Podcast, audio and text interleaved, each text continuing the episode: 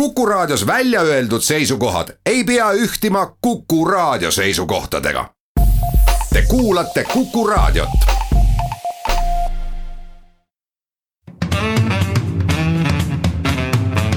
muuli ja Riikoja tere päevast, head kuulajad, kell on kaheksa minutit üle üheteistkümne, on reedene päev, tahab ka saate Muuli ja Riikoja aeg. aga kuna Kalle Muuli on väikesel perepuhkusel, siis täna äh, on hea meel stuudios tervitada tema, no võiks vist öelda, et aatekaaslast Jaak Madissoni, mina olen saatejuht Indrek Riikoja. tere ka minu poolt kõigile kuulajatele ja loodame, et tuleb väga hea saade räägime täna loomulikult äh, uuest valitsusest, president kinnitas äh, uue valitsuse kolmapäeval ametisse ja esmaspäeval antakse ametivanne. räägime ka Isamaa erakonna rahastamisest, üles on kerkinud kahtlus, et äh, võib erakond olla kasutanud varjatud rahastamist, sellepärast et reklaami on deklareeritud kulude kohta saadud kuidagi väga palju. räägime ka Aidu tuulepargis puhkenud tülist riigiametnike ja perekond Sõnajalgade vahel räägime sadama korruptsiooni asjast ja saate lõpus ka sotside uuest esimehest. muuli ja Riikoja uues valitsuses on kaheksa, kaheksa uut ministrit, inimest, kellel varasem ministrikogemus puudub ja, ja tegelikult päris paljudel uutel ministritel on ka poliitiline kogemus seni olnud kaunis kasin, sest tasuks kiirelt meenutada, kes meil siis valitsusse kuuluvad. president Kersti Kaljulaid kolmapäeval valitsuse kinnitas ja nagu öeldud, esmaspäevasel riigikogu istungil antakse ka ametivanne. peaminister on siis äh, Jüri Ratas Keskerakonnast on valitsuses veel haridus- ja teadusminister Mailis Reps, vana olija, majandus- ja taristuminister Taavi Aas, ministrina uus. regionaalminister Jaak Aab ja sotsiaalminister Tanel Kiik, samuti uus minister, uus poliitik. Isamaast kuuluvad valitsusse kaitseminister Jüri Luik, justiitsminister Raivo Aeg, välisminister Urmas Reinsalu, rahvastikuminister Riina Solman ja kultuuriminister Tõnis Lukas. ning eh, EKRE ministrid on siis siseminister Mart Helme, rahandusminister Martin Helme, keskkonnaminister Rene Kokk, maaeluminister Mart Järvik ja väliskaubandus ja IT-minister Mart äh, Kuusik, kas sinul, Jaak, parlamendisaadikuna on ministrite nimed kõik peas või pisut peab ikka mõtlema veel? Ma just praegu kontrollisin, kui sa lugesid neid nimesid ette, siis äh, nimed kõik on tuttavad, kuid vahel äh,, kui küsida, et kes on nüüd uus justiitsminister, siis võib korra keel sõlme minna küll. et harjunud on ju äh, Reinsaluga, kuid et nüüd on Raivo Aeg hoopis seal, et eks, eks, eks see võtab äh, harjumist. kuid äh, enamjaolt on kabinet selge, loomulikult äh, üle poole kabinetist on täiesti uued näod äh,. esimest korda ministrid äh, ja, ja ma usun, et ega see kerge ei saa neil olema. esimese paari kuu jooksul tõestada, et, et ministriametis saadakse hakkama, kuid jõudu neile. president eh, Kersti Kaljulaid tekitas eh, noh ütleme siis üksjagu ärevust, üksjagu arutelu ennem ministrite kinnitamist. Teatega, et ta tahab kindlasti osade ministritega kohtuda ja selle taustaks oli nii-öelda, ma ei oska öelda, kas arvamus, kahtlus või võimalus, et võib-olla president võib jätta mõne ministri ametisse kinnitamata, viidates sellele, et, et tema sõnadest justkui peegeldub oht, nagu temast äh, võiks olla oht Eesti riigi julgeolekule või põhiseaduslikule korrale.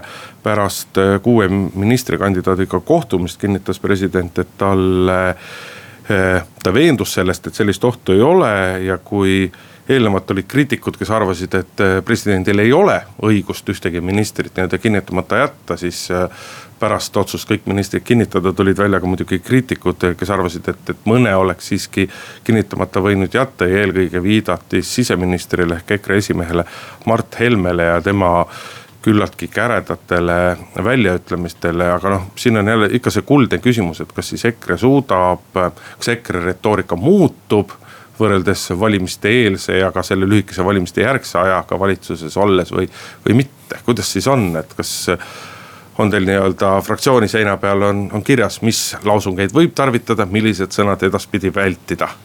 no, olle, olles nagu ikkagi erakonna liige, siis ma võin öelda, et meil ei ole ühtegi sellist nagu aabitsat ette kirjutatud, et kuidas sa võid öelda ja kuidas sa ei või öelda.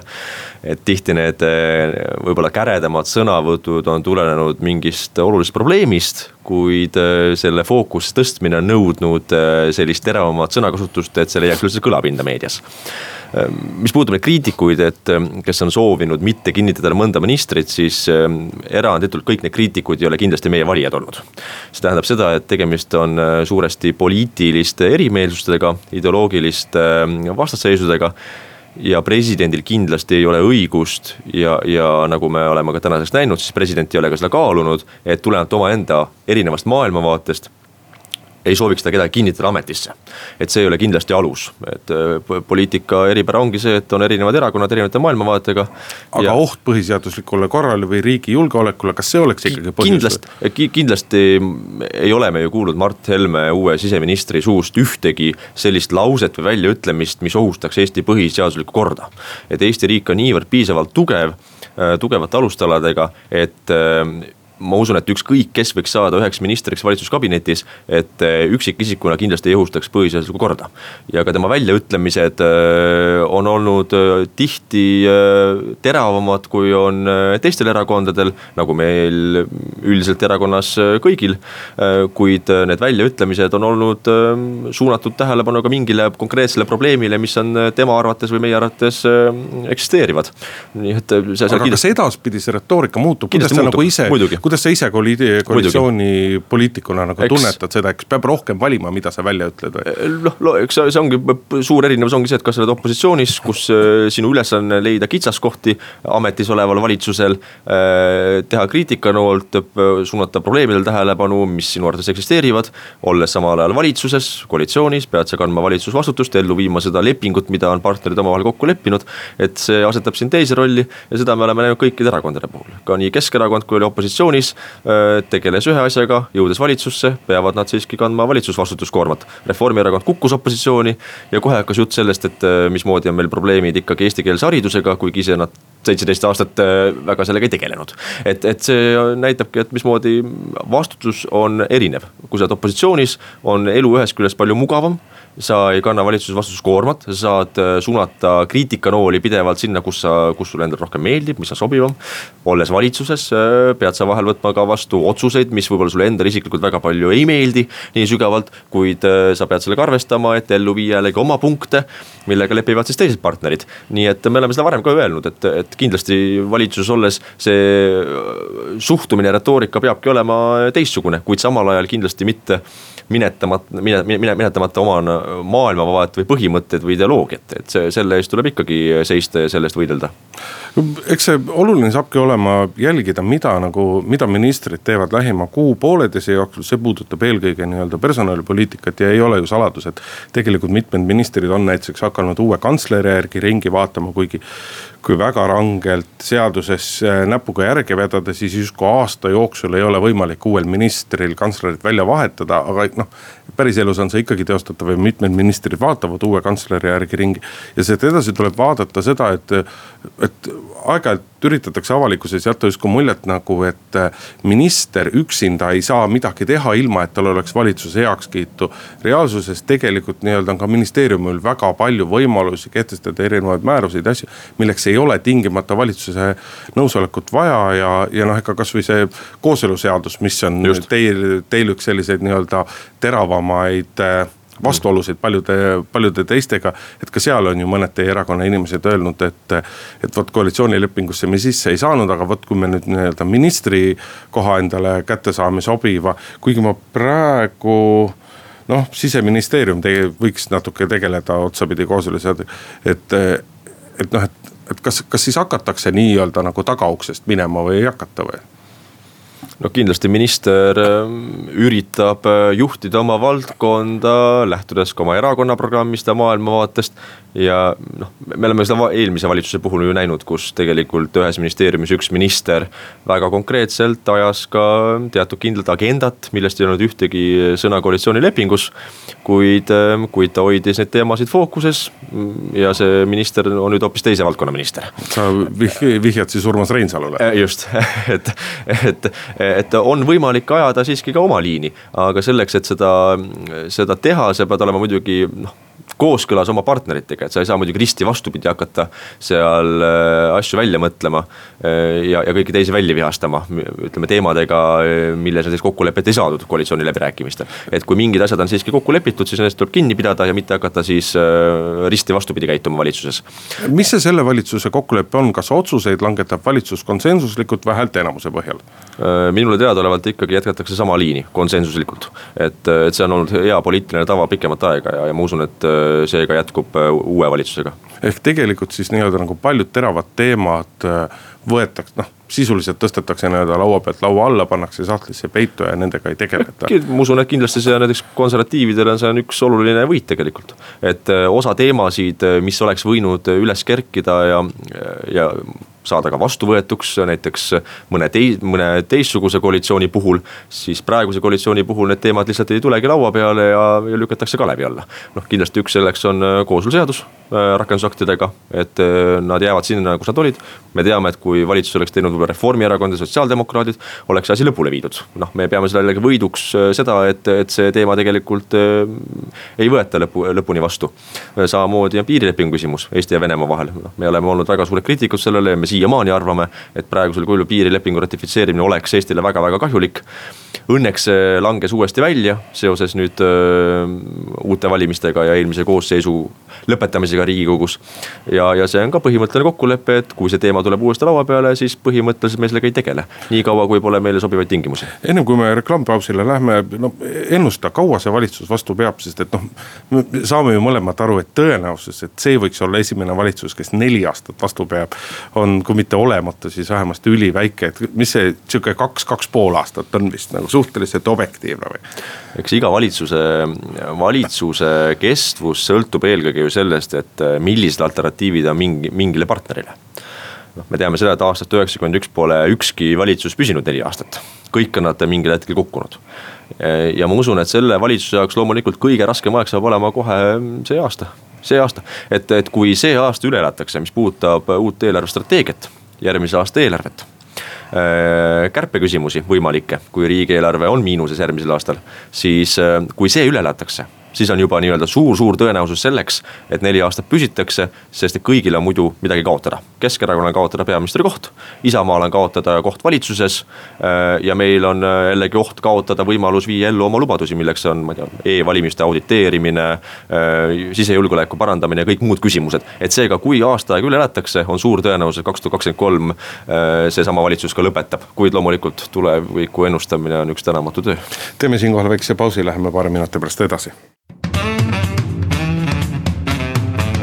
Muuli ja Riikoja järgmiseks teemaks on loomulikult palju kõlapinda meedias leidnud äh, kuluaruanded peale riigikogu valimisi. ja anomaaliad selles, et kui paljud erakonnad on siis õigesti deklareerinud ja kas vastab tõele kahtlus, et mõni erakond võib olla jätnud midagi deklareerimata ja saanud varjatud annetusi ja teemaks loomulikult erakond Isamaa. kellel on teatavasti ka varem olnud äh, kahtlusi erinevate rahastuskanalitega. nimelt on kahtlus, et erakond Isamaa deklareeris eh, palju vähem kulutusi, kui tegi näiteks Reformierakond ja Keskerakond, kuid samal ajal kampaania maht, mida kõik ka kindlasti telekanalites nägid, oli kordades suurem. ja, ja nüüd üritamegi leida siis ehm, tõejälile saada, et, et kas see vastab tõele ja kas erakond Isamaa sai keelatud annetusi. või siis tõesti on neil olemas eh, imepärased meediaagentuurid, kes suudavad saada paremaid allahindlusprotsente kui teised erakonnad. Ehm, seega, mida arvad sina sellest küsimusest? no ütleme jah, see Ekspress sellel nädalal, Eesti Ekspress kirjutas sellele ja tõi välja, et kui reklaamile kulutati pisut üle kuuesaja tuhande euro, et siis reklaami on tehtud kümnetes protsentides rohkem kui teised erakonnad ja, ja viidatud just äh, nii-öelda oma suurepärasele meediaagentuurile, kelleks on Inspired, mille omanik siiski tuleb meeles pidada, on Reet Roos, kes on ka Isamaa enda liige ja, ja ei ole mina küll veel leidnud seda meediakanalit, kus paistaks välja, et Isamaa oleks saanud üliheade diilide tõttu nii-öelda oluliselt suuremat allahindlust kui, kui, kui teised erakonnad, noh näiteks raadioreklaamis on need allahindlused jäänud kõigile sinna neljakümne protsendi kanti. telereklaamidele on võimalik allahindlust tõesti saada kohati kaheksakümmend viis, isegi üheksakümmend, üheksakümmend protsenti. no aastaid on räägitud sellest võimalusest, ma ei väida, et see niimoodi on. aga see põhiline kahtlus, mis õhku on visatud, on, on see, et tegelikult on ju meediaagentuuris võimalik tekitada teoreetiliselt ka olukord, kus mõni ettevõte ostab reklaami, maksab selle eest tegelikkuses tunduvalt rohkem ja osa tema makstud raha kasutatakse siis kellegi teise nii-öelda reklaami, reklaami eest tasumiseks. et seda kindlaks teha on, on väga, väga keeruline ja mina nagu ootaks küll erakondade rahastamise järelevalve komisjonilt nagu väga selget analüüsi selle kohta kui palju on tehtud, millistes kanalites on tehtud ja millised on olnud reklaami allahindlused ja, ja ja, ja, ja millised on need allahindlused teistele erakondadele olnud. sest et need mahud ei ole ka nüüd nii suured või need mahtude vahed ei ole nii suured, et seal peaks rääkima nii-öelda noh piltlikult öeldes ühele erakonnale neljakümne protsendisest allahindlusest ja teisele kaheksakümne protsendisest allahindlusest, et. Et äh, midagi on siin nagu kahtlust ja, ja siin oleks küll erakondade rahastamise järelevalve komisjonil nagu hea võimalus tõestada enda funktsioone, enda vajalikkust ja tegelikult näidata ka seda, et, et kui armastatakse rääkida, et kogu aeg on ainult nii-öelda üksikute kindlate erakondade probleemrahastamine, siis tegelikult on see ikkagi poliitikas jätkuvalt nii-öelda laiem teema kusjuures äh, jaa, ma, ma isegi ise tegin osa tööd ära juba. Äh, tänaseks sain sellest paremini teada, et erakondade rahastamise järelevalve komisjon võib kasutada minu materjale. nimelt professionaalsest huvist lähtuvalt äh, võtsin ma kohe mõned päevad peale riigikogu valimisi ette siis TV3-e ja lõin kokku need sekundite arvud, kui palju mingi erakond oli reklaami teinud päev enne valimisi, teise märtsi õhtul, prime time'i ajal. mis on kõige vaadatavam aeg ja kõige kallim aeg, et sekundid osta teleekraanil ja, ja kui palju mingi erakond siis äh, sellel õhtul päev enne valimisi tegi reklaami. ja loomulikult oli minu jaoks suur üllatus tol hetkel, kui Isamaal oli selle viie ja poole tunni jooksul lausa kuussada viisteist sekundit telereklaami aega. ja teisel kohal oli äh, Keskerakond ainult kahesaja üheksakümne sekundiga, kolmandal kohal Reformierakond kahesaja kolmekümne viie sekundiga. ja näiteks meil, ehk siis Konservatiivsel Rahvaerakonnal ainult sada kolmkümmend viis sekundit. ja seega, kui ma vaatasin need numbrid, et üle kahe korra on äh, võimsamalt tehtud telereklaami TV3 eetris, mis kusjuures ei ole, ei kuulu Postimees Grupi alla, et kui on vahe vahepeal tehtud siin äh, spekulatsioon, et äkki, äkki siin äh, nii-öelda lähedamad sidemed teatud meediagruppidega on Isamaad kuidagi aidanud, siis see ka ei vasta tõele. sest TV3 on eraldiseisev meediagrupp, siis äh, üle kahe korra tehtud reklaami, kuid deklareeritud vähem kulusid kui Keskerakonnal, Reformierakonnal tekitab väga suure küsimuse. et kus see reklaam saadi, sest ka mina tean, et kõik erakonnad, tõsiseltvõetavad erakonnad, ma pean silmas, saavad kaheksakümmend viis, üheksakümmend protsenti allahindlust telereklaamilt. ja ma kohe üldse ei usu, et Isamaa sai ühe üheksakümmend viis või üheksakümmend üheksa protsenti alahindlust. isegi sellisel juhul need numbrid mitte kuidagi ei klapiks. seega siin on nagu väga palju uurida järelevalvekomisjonil, et, et kui, kui palju on siin äh, nii-öelda pettust kasutatud ja kui palju on siin tegelikult ausust. no küsimus ei olnud, sa ennem valimisi järelikult tegelesid valdavalt kampaaniaga, meediat ei jälginud, aga noh, kes nagu meediat jälgis. et sellel oli tõesti selge ja, ja ka tihtipeale ka ju öeldi enne valimisi, et, et Isamaa liit ostab endale riigikogu, riigikogu kohti, sest et see tõepoolest nende see kampaania oli väga massiivne ja, ja märksa massiivsem teistest peaaegu kõigis meediakanalites. aga teeme siin väikese pausi, kuulame ära pooltunni uudiseid ja lähme siis saatega edasi. muuli ja Riikoja tere tulemast tagasi, head kuulajad, läheme saatega edasi, kuna Kalle Muuli on puhkusel, siis täna on stuudios tema aastakaaslane Jaak Madisson, mina olen saatejuht Indrek Riikoja ja. räägime nüüd äh, tuulikute sõjast, Aidu tuule, äh, tuulepark on ümber piiratud politsei poolt, kes sellele, kellel on siis tehtud ülesandeks äh, tagada, et seal tuulikute ehitus ei jätkuks, miskit pidi ehitajateks on vennad Sõnajalad ja tegelikult nii-öelda need tüli põhjused ulatuvad juba aastate taha ja põhiline vastane sellele, et tuulikud, tuulikuid sinna püsti pannakse, on kaitseministeerium ja kaitsevägi. põhjendusega, et need tuulikud segavad äh, kaitseväe radarite tööd. aga mis veel olulisem, kuigi sellest nii kõva häälega ei räägita asi puudutab ka nii-öelda Venemaa suunalist luuretegevust ja, ja selleks kasutatavaid seadmeid, mille tegevust äh, tuulikud äh, väidetavalt siis häirivad ja, ja seni sõnajalad on küll noh, ma ei taha nüüd öelda, et seadustele ja ettekirjutustele vilistanud, aga kui ühe ettevõttega keelatakse ehitamine ära, siis teisega seda ikkagi jätkatakse ja kõik see ongi viinud siis selleni, et ehitus sisuliselt peatati ja on lubatud sellel nädalal teha vaid nii palju töid, et oleks tagatud pooliku ehituse ohutus. Eks seda kõrvalt on muidugi üksjagu kummaline nagu vaadata, et riik on pidanud ühtede ettevõtjatega nii pikalt sõdima käidud on läbi erinevaid kohtuinstantse, aga nii-öelda reaalse tulemuseni siiamaani nagu jõutud ei ole. või tehakse liiga sõnajalgadele? ma hästi ei taha seda uskuda, sest ainukene, ainukene sisuline argument sõnajalgade poolt on olnud see, et riik on äh, nii-öelda suletud ring, kes hoiab monopoli Eesti Energiale. ei julgeta lasta turule alternatiivset energiatootjat ja sellepärast leitakse kõiki ettekäändeid ja takistusi, miks nad ei saa seda parki üles panna. no ma, ma, ma siiralt, mul on väga raske uskuda seda, sest, äh, sest sellisel juhul peaks leidma ka kõikvõimalikke äh, põhjendusi, et miks takistada. kas Saaremaale, Hiiumaale või muudele mereäärsetele aladele tuuleparkide loomist, sest see ohustab äkki Eesti Energia monopoli. Äh, seda siiamaani nagu ei ole näha olnud, et kuskil mujal tehakse takistusi. seega on iseenesest loomulikult usutav, et julgeolekukaalutlustel ja, ja luuretegevus, luuretegevus, kas see meeldib meile või ei meeldi, vahel see on selline nii-öelda tabuteema, millest rääkida. Aga luuretegevus on iga iseseisva riigi paratamatu osa sellega tegelevad äh, tegelikult ju kõik riigid, kes äh, tunnetavad potentsiaalset vaenutegevust äh, kellegi naabri poolt.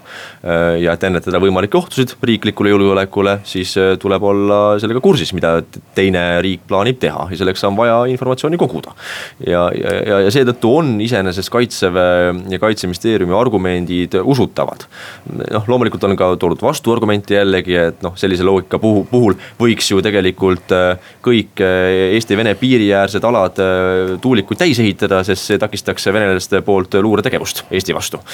Äh, kuid ma, ma arvan, et oma ala spetsialistid ja, ja, ja see informatsioon, mida nemad valdavad, on tunduvalt pädevam kui ükski inimene avalikkuses või keskmine inimene tänava peal seda valdab. et ei tea ka mina tegelikult ju nii-öelda neid äh, kõiki spetsiifilisi asjaolusid ja mul ei ole sellist andmepagasit, mille põhjal rääkida kriitikud on, kriitikud on öelnud või, või üritanud nagu mõnevõrra naeruvääristada seda, et noh, mida see Eesti ikka siin luureb ja. ja kelle järgi ta ikka suudab luurata ja nii edasi, selle käigus kiputakse ära unustama.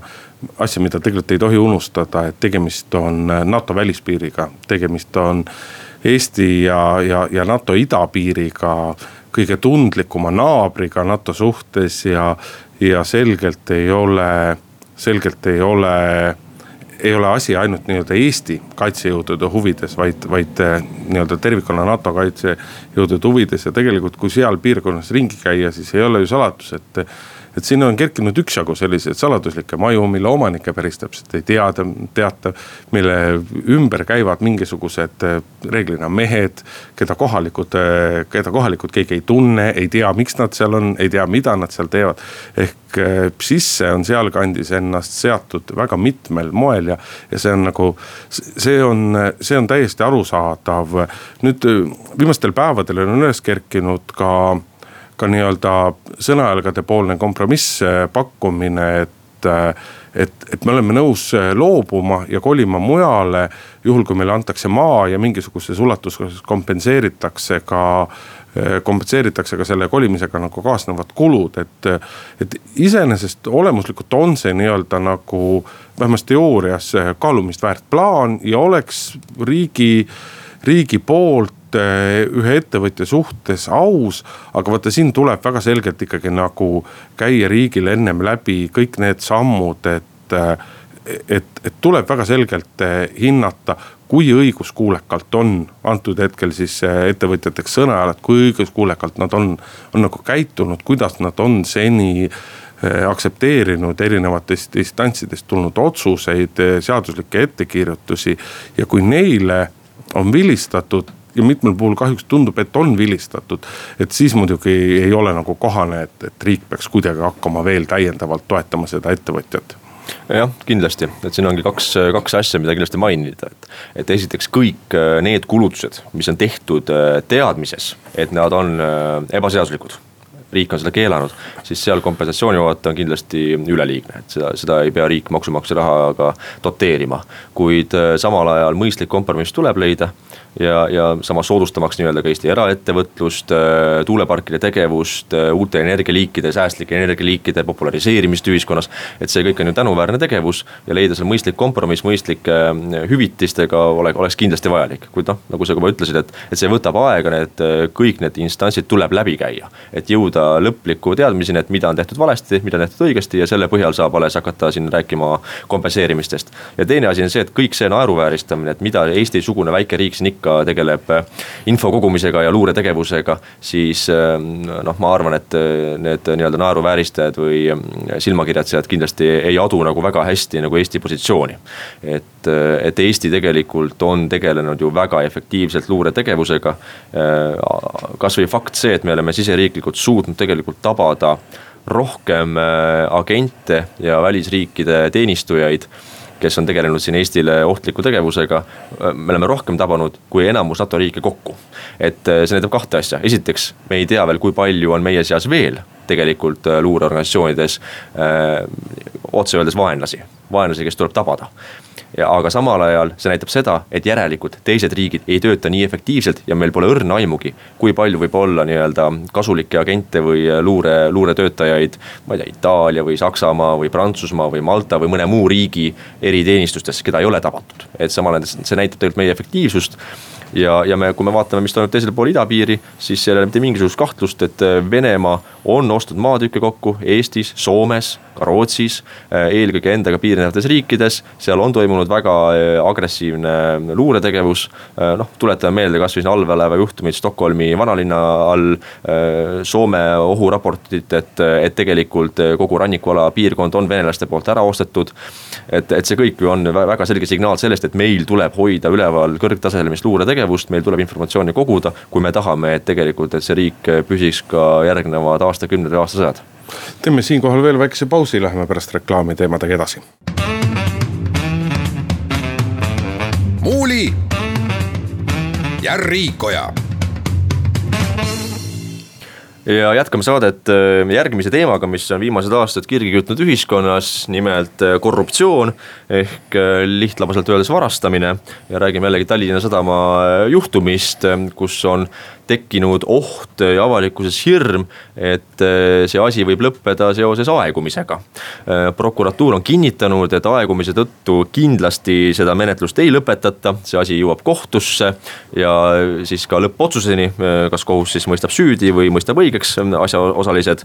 kuid kahtlemata on see väga märgiline, väga märgiline protsess, mis peab vähemalt minu arvates kindlasti lõpuni jõudma, sest sellises mahus raha riisumine, kuritegelik kuritegelik käitumine vajab põhjalikku uurimist ja, ja loomulikult ei saa kunagi üle ega ümber poliitikast. Tallinna Sadama nõukogust, erakondade esindajatest seal ja lähedases, lähedasest suhetest, mis puudutab kindlasti kampaaniate rahastamist ja võimalikke sidemeid, ma ütlen võimalikke, kuna fakte ei ole, on vaid kahtlused, võimalikke sidemeid teatud isikutega.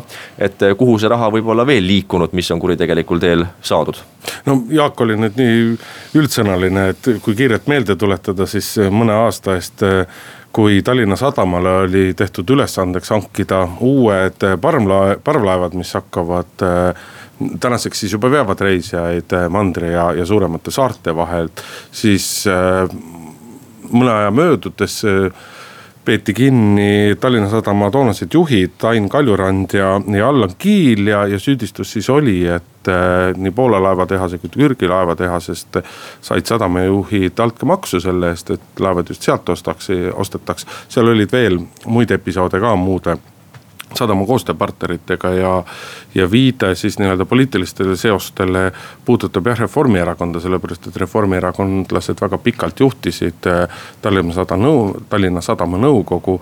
Allan Kiili suhted või sidemed Reformierakonnaga on ka küllalt ilmsed ja, ja õhku visati kahtluseid, et osa sellest altkäemaksu rahast võis liikuda Reformierakonda varjatud kujul, aga, aga tänaseks hetkeks on tõepoolest ainult kahtlused, sellepärast et ühtegi kahtlustust või rääkimata siis süüdistusest ei ole üles kerkinud. probleem on tänasel hetkel selles, et juba seda kriminaalasja on selles mõttes tükeldatud, erinevaid asju on erinevate kriminaalasjade alla viidud ja ja, ja just nimelt äh, Türgi ja Poola õiguskaitseorganid ei ole sugugi nii varmad meiega koostööd tegema, nagu me ootaksime. mistõttu puudu on, on, on mitmeid olulisi tunnistusi, kindlasti ka mitmeid olulisi tõendeid. ega me jällegi liiga täpselt ei tea, et mis siis puudu, mis saadud on ja mis saamata on.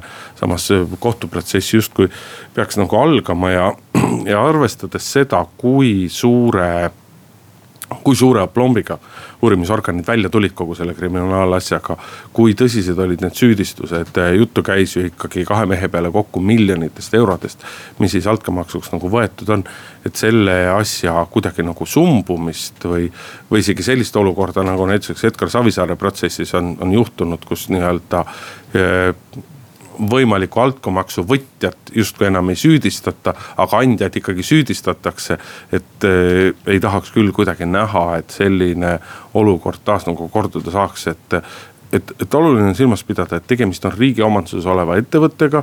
oluline on silmas pidada sellega, et seda nii-öelda nõukoguna valitsesid äh, valdavalt erinevate erakondade esindajad ja, ja ikkagi ka riigi ka riigifirmas peab kehtima see põhimõte, et nõukogu peab järelevalvet teostama juhatuse töö üle. ja kui nõukogu ei saa sellega hakkama, siis peab ikkagi nõukogu vähemasti väga tõsiselt nii-öelda peeglisse vaatama, kui ka ise, kui ka mitte ise mingil kombel vastutama, aga aastate jooksul seda nõukogu muidugi. rahanduslikku ja majanduslikku vastutust on nagu seadustega kärbitud, et selles mõttes tingimused on läinud leebemaks no siin ongi ju jälle, jällegi paar asja saab ähm, üle korrata, et äh, esiteks äh, prokuratuurile oleks see kahtlemata ja meie õigussüsteemile üldse oleks see kahtlemata suur häbiplekk. kui järjekordne juhtum sumbub tegelikult aegumise tõttu, ei jõuta lõpptulemuseni, siis leiab pigem kinnitust see nii-öelda korduvalt öeldud väide, et karistus iseenesest on juba selline nii-öelda süüdistuse esitamine. ja protsessiga alustamine suurelt eh, meedias, kus inimene lüüakse risti, et jah, näed, sa oled korrumpeerunud, sul on kahtlustus. aga lõpuks, kui asi sumbub selle tõttu, et prokuratuur ei suuda materjale kokku koguda, saada tunnistajaid, eh, saada faktimaterjali, eh, millega kohtusse minna. siis tekib küsimus see, et juriidiliselt on inimene justkui nii-öelda tegelikult puhas ja õige kuigi samal ajal on ta juba aastaid olnud äh, kahtlustatav. Äh, on olemas põhimõtteliselt teada, et ta on sellega olnud seotud, kas varastamise, suuremate korruptsioonijuhtumitega. kuid jällegi ta saab äh, pigem nõudes juba riigilt või prokuratuurilt kahjutasu, et olete minu head nime teotanud. näete, ma olen juriidiliselt õige inimene, süüdi pole mind mõistetud, aga mulle te tekitatud meeletut mainekahju. et see kindlasti ei ole prokuratuurile auasi, kui selline asi peaks uuesti juhtuma, et see iga hinna eest tuleb vältida seda, et see asi ei asi ei jõuagi kohtus lõppotsustamiseni. olgu see otsus milline tahes, aga see asi peab jõudma vähemalt lõppotsuseni. ja teine asi on see, et kindlasti on Tallinna Sadamale ja tegelikult peaks olema ka teistele riigifirmadele äh, ennetusmeetod sellistele juhtumitele, kui osaliselt ongi riigifirma börsil mida rohkem on tegelikult kaasatud äh, erainvestoreid, eraisikuid, seda suurem on tegelikult juba sisemine kontroll äh, juhtide üle, juhtimisstiili üle ja rahade kasutamise üle.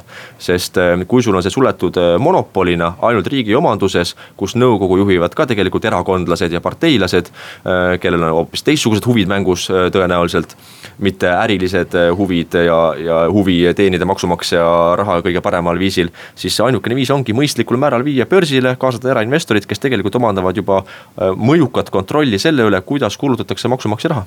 no nutikale omanikule, ma ei ütle kas heas või halvas mõttes nutikale, vabandust, mitte omanikule, vaid juhile muidugi küll tema oskab ka juba nii-öelda börsiettevõttest raha varastada, kuidas seda, kuidas seda teha tahab, aga, aga eks siin natuke on selles mõttes äh, sõnum ka, ka värskele valitsuskoalitsioonile, et ühest küljest äh, mõned koalitsiooni osapooled on armastanud rääkida sellest, justkui prokuratuur oleks suutmatu mittepädev ja nii edasi. aga me siiski ei tohi nii-öelda unustada seda, et et eh, ega me ei saa nüüd öelda, et prokuratuuris oleks rahaga hirmsat moodi laiutada, et eh, töötajaid oleks jalaga segada ja nii edasi.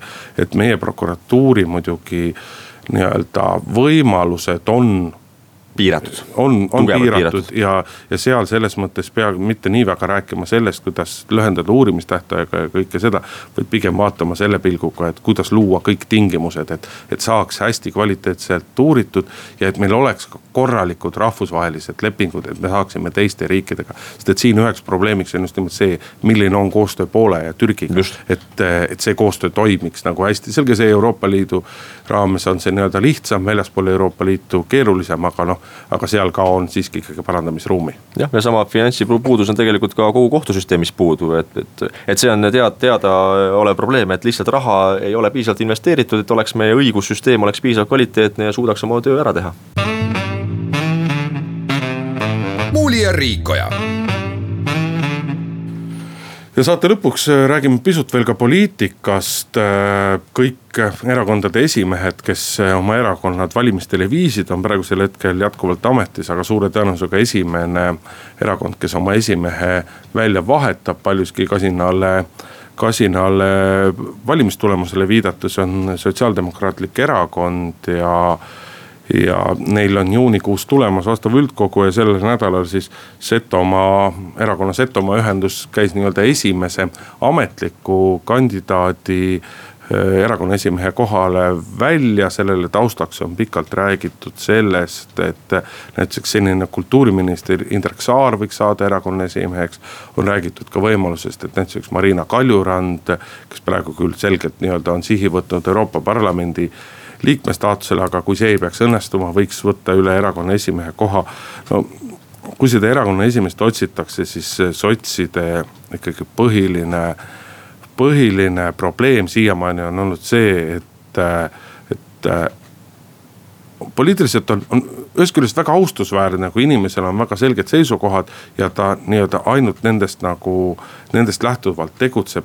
aga tegelikult on erakonna esimehel, tal on vaja karismat tal on vaja sõnaosavust, aga tal on vaja vaja ka teatavat nii-öelda nagu kompromissivalmidust. et selles mõttes Jevgeni Ossinovski siit, siiamaani ühest küljest ma pean väga lugu temast just selle põhjalt, et ta ütleb, mida ta mõtleb ja ta väga nagu ei keeruta. aga ta ilmselgelt tihtipeale ei mõtle, kuidas avalikkus selle vastu võtab, et äh, alati sisuliselt olulisi ja õigeid asju sa ei saa nii lihtsalt maha müüa jah, no põhimõtteliselt on kindel see, et Ossinovski kindlasti ei jätka esimehena. et siin pretendente on erinevaid olnud, vahepeal käis ka läbi Riina Sikkuti nimi korraks äh, kuskil meedia, meediaportaalides. Äh, noh, Marina Kaljuranna edule Europarlamendi valimistel hoiab kõige rohkem pöialt ju tegelikult Lauri Läänemets. sest et Lauri Läänemets on esimene asendusliige Riigikokku, kui keegi juhtub eest ära minema. seega äh, juhul, kui Kaljurand suudab saada Europarlamenti, kuid seda otsustavad muidugi valijad, siis on Läänemetsal kahtlemata väga suur šanss olla edukas ähm, ka esimehe valimistel, sest saades riigikokku, oled sa ikkagi meedia, meediafoonis äh, suuremalt esil ja ei teki ohtu, et, äh, et riigikogus oleva erakonna esimees ei ole riigikogu liige et see oleks selline nagu pentsakas olu, noh pentsik olukord, äh, mis ei oleks väga äh, asjakohane võib-olla ühele parlamendiparteile. Äh, seega kindlasti ma usun, Läänemets teeb praegu kõva kampaaniat Kaljurannale. aga, aga Läänemetsa taust on muidugi ka huvitav, et tegelikult on ju kohapeal tuntud isik siiski nii-öelda kogukonnapoliitikuna ja, ja pikaaegse vallavanemana. ja lo loomulikult ka see fakt, et kaks tuhat kümme aasta ta ju alles liitus sotsidega, hüpates üle Rahvaliidust. kui see oli seal allakäigukursil ja ära no, uppumas. Teie vana võitluskaaslane siis ju. et noh, eks see tekitab loomulikult küsimusi inimest, inimese vaates, et noh, ma tean, sotside seas on väga ideoloogilisi, kes põhimõtteliselt ongi sihuke nagu nugadega võitlejad oma ideoloogia eest. aga samal ajal on väga siuksed pragmaatikuid, kes vaatavad, et eh, kus tuul puhub ja kus on natukene kasulikum olla. et eh, seetõttu ma olen alati natuke ettevaatlikum inimeste osas, kes on kuskilt ühest parteist teise üle hüpanud hetkedel, kui on läinud raskeks erakonnale ja vaadates paremat kohta. et seetõttu ma usun, et eh, kindlasti ühehäälset toetust Läänemets esimehe valimistel kahjuks ei saa. no mina julgen siiski teha ennustuse, et järgmise esimehe nime me siiamaani tegelikult kuulnud ei ole, siinkohal peame tänase saate otsad kokku tõmbama. tuletan meelde, stuudios oli Jaak Madisson ja Indrek Riiko ja Kalle Muuli on järgmine nädal juba tagasi. ilusat päeva teile. muuli ja Riikoja